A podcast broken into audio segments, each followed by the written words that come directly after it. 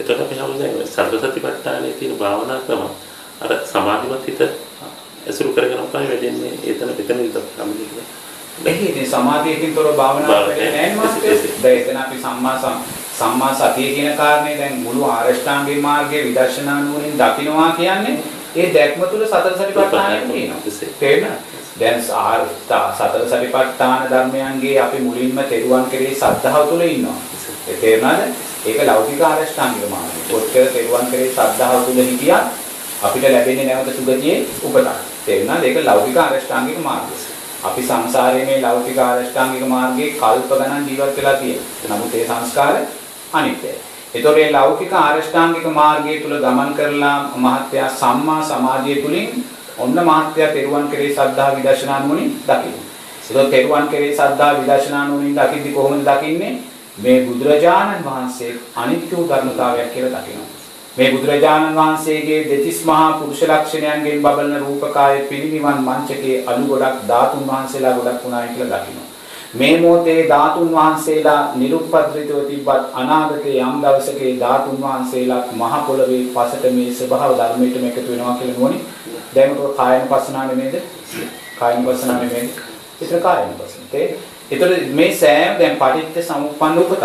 කියන කාරණේ අතීතයේ මම පටිච්ච සමුප්පන්නෝ ඉපදුනා වූ සතර අපායේ උප ඉපදුනා වූ උපත් නිට්ටයද අනිත්‍යද?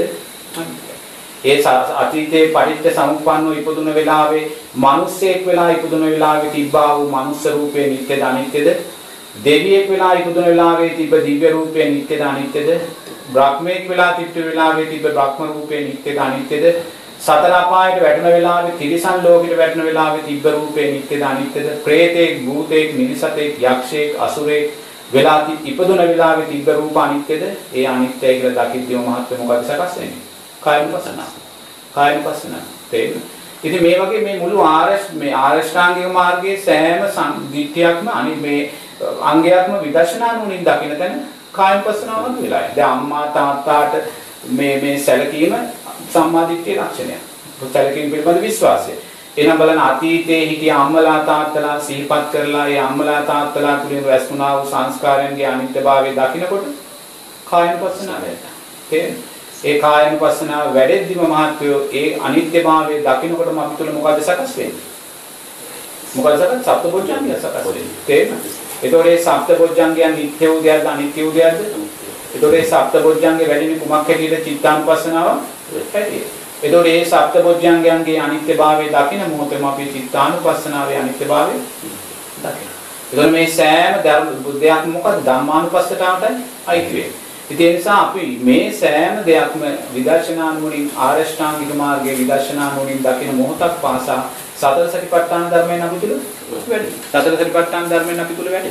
ඒ නිසා එතන ආයිමත් විශේෂයෙන් සතර සතිපට්ඨාන ධර්මයෙන් වඩනවා කියන කාරණයක් ගිහි පින්වතුන්ලාට යන්න බැරි නම් මේ ආරෂ්ඨාංගික මාර්ගයේ විදර්ශනා නුනින් දැකීම තුළ සත්‍ය සතිපට්ඨාන ධර්මයෙන් මතු කළ ගන්න පුළුවන්. තේරෙනවද? ඒ නිසා නිරේතුරුවම මේ සම්මා දිට්ඨිය තුළ ජීවත් වෙලා සම්මා සංකප්පයන් තුළ ජීවත් වෙලා සීලයට අදාළ අංගයන් තුළ ජීවත් වෙලා සම්මා සති සම්මා සමාධිය තුළ ජීවත් වෙලා මේ සංස්කාරයන් කියන්නේ අනිත්‍යභාවය දකින්න. සංස්කාරයන් කියන්නේ අනිත්‍යභාවය දකින්න. ඒ සංස්කාරයන්ගේ අනිත්‍යභාවය දකින්න තැන තමන්ට නොදැනුවත්ව නොදැනුවත්ව මේ නෙමෙයි නොදැනුවත්ව වුණත් සතර සතිපට්ඨාන ධර්මයෙන් තමයි වැටෙන්නේ. තේරෙන්නේ? නමුත් තමන් දන්නේ නැහැ මේ වැඩෙන සතර සතිපට්ඨාන ධර්මයෙන් කියලා සමානයි. ඒතොර මේ වැඩෙන සතර සතිපට්ඨාන ධර්මයන් හඳුනාගෙන ධර්මයන්ගේ අනිත්‍යභාවය දැක්කේ දැන් තමන් සතර සතිපට්ඨාන ධර්මයන් තුල සතිය සිහි පිටවාගෙන ඉන්න කෙනෙක් බවට පත් වෙනවා. තේරෙන්නේ? එතකොට ඒකේ ප්‍රශ්නයක් මතුවෙන්නේ නැහැ. බුද්ධ වන්දනාව කළා බුදුරජාණන් වහන්සේගේ රූපකාය අනිත්‍යයි කියලා දකින්න. ඒ දකින්න මොහොතේ අනිවාර්යයෙන්ම අපි සතර සතිපට්ඨාන ධර්මයන් ජීවිතයට එකතු කරගන්න. තේරෙනවද? ඒ වගේම සීල් සමාදන් වෙලා හැම වෙලාවෙම මේ සීලේ සංස්කාරයන්ගේ අනිත්‍යභාවය දකින්න. ඒ සීලය තුලින් සකස් වෙන ආස්වාද ජනක හිතේ අනිත්‍යභාවය දකින්න. එතකොට මේ සෑම දෙයක්ම සකස් වෙන්නේ පංච උපාදානස්කන්ධය ඇටියෙ. රූපය ඇසුරු කරගෙන. තේරෙනවද? ඉතින් ඒ නිසා මේ කුසල් දහමක් වැඩුණත් අකුසලයක් සිද්ධ වුණත් සිල්පදයක් බිඳුණත් සිල්පදයක් රැකුණත් සමාධිමත් හිතක් සකස් වුණත් ධානගත හිතක් සකස් වුණත් ද්වේෂයක් ක්‍රෝධයක් වෛරයක් සකස් වුණත් අලෝභ අද්වේෂ අමෝහ සිතක් සකස් වුණත් මේ සෑම දෙයක්ම සකස් වුණේ මේ රූපේ ඇසුරු කරගෙන. තේරෙනවද? ඒ නිසා නිරේතුරුව මේ සංස්කාරයන්ගේ අනිත්‍යභාවය දකින මොහොතේ ওই සතර සතිපට්ඨාන ධර්මයෙන්ම අපි තුල වැඩිලා තියෙන්නේ.